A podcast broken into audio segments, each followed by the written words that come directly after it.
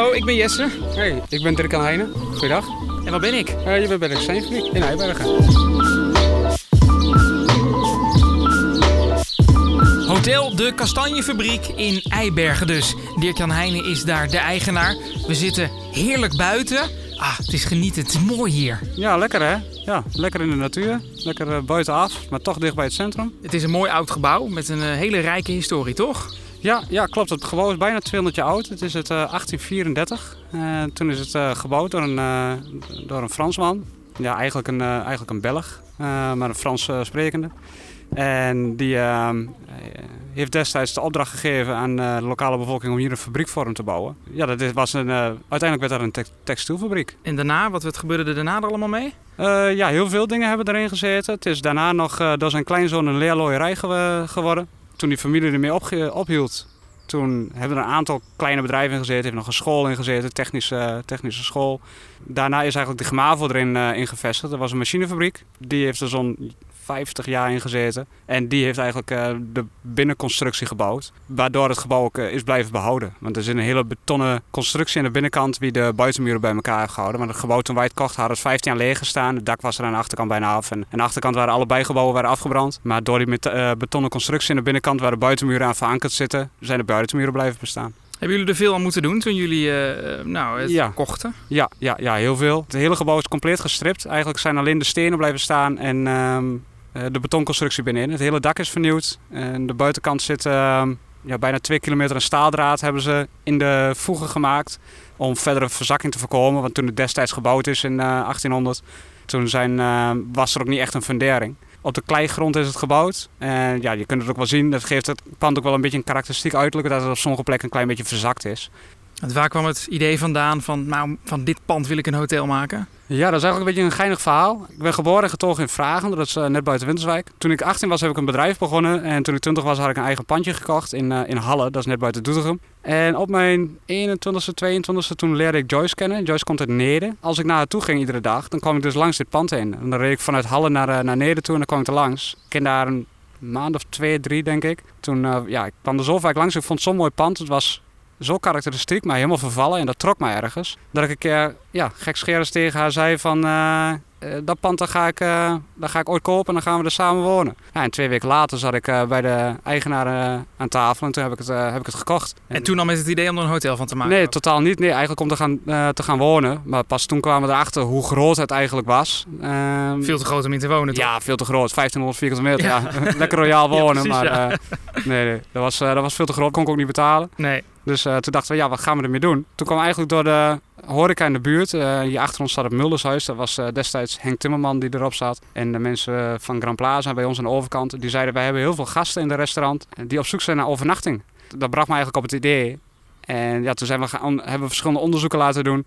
Ja, toen kwam er eigenlijk uit dat er heel veel behoefte was aan hotelovernachtingen hier in de buurt. Ja, zodoende eigenlijk uh, zijn we begonnen. En, is dat ook uh, gebleken uiteindelijk? Was het direct heel druk? Ja, ja, het was eigenlijk heel snel heel druk. We zijn echt begonnen als een low-budget bed and breakfast. Uh, dus we hebben het ook heel low-budget gebouwd. Binnen het eerste half jaar zaten we eigenlijk al een, aan een echte goede bezetting. Dus de eerste drie maanden was eigenlijk maar aanloop. Terwijl we eigenlijk ingecalculeerd hadden dat we nou, wel drie jaar aanlooptijd nodig hadden. Maar na drie maanden zaten we eigenlijk al een goede bezetting. En uh, een jaar later toen uh, draaiden we eigenlijk hartstikke goed. Ja. En uh, wat voor mensen komen hier als je ze een beetje moet samenvatten? Voornamelijk de mensen waar de kinderen van uit huis zijn. Dus echt een beetje de 40, 50 plussen. Uh, de kinderen zijn net uit huis. Die willen lekker, uh, lekker een beetje ontspannen. Maar hebben geen zin om, uh, om helemaal naar het buitenland te reizen. Hebben ze ook niet zoveel behoefte aan. Die, dat zijn de mensen die, die begrijpen dat het in Nederland toch heel lekker kan zijn. Ja, die mensen die komen eigenlijk hier bij ons. lekker wandelen en fietsen. Even terug naar toen jullie ermee begonnen. toen waren jij en je partner vrij jong, toch? Ja, klopt ja. ja. Ik was, toen we ermee begonnen was ik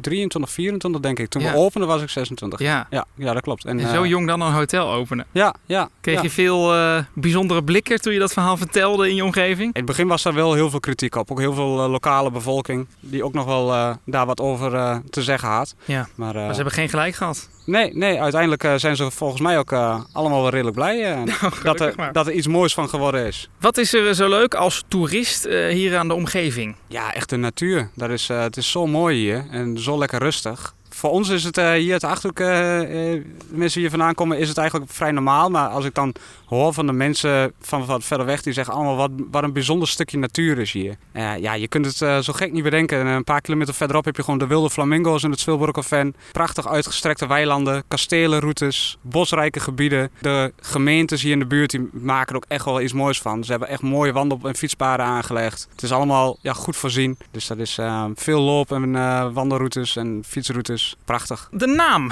waar komt die vandaan? Nou, de naam die komt uh, eigenlijk uh, helemaal uit het begin, in, uh, uit 1832.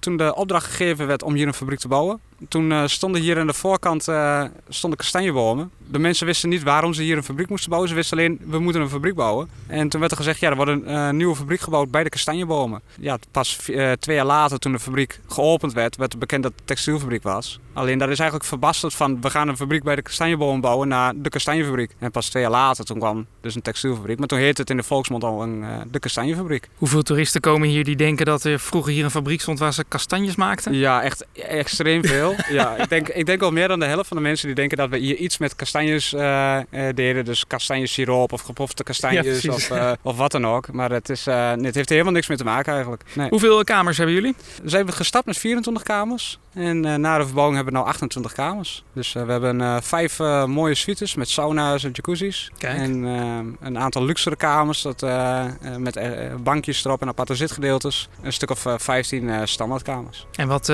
betalen we daarvoor? De prijzen variëren heel erg. ze beginnen echt vanaf een, ja, 50, 60 euro. Tot in het hoogseizoen kan het maar zo zijn dat, het, dat mensen rond de 200, 300 euro. maar het is ja, het vraag en aanbod. Dus maar dus wel voor elk budget is er iets? Ja, voor elk budget is er wat. Ja, ja. zeker. Dit was een podcast van Bezoek de Achterhoek. Voor meer over onze prachtige streek ga snel naar bezoekdeachterhoek.nl.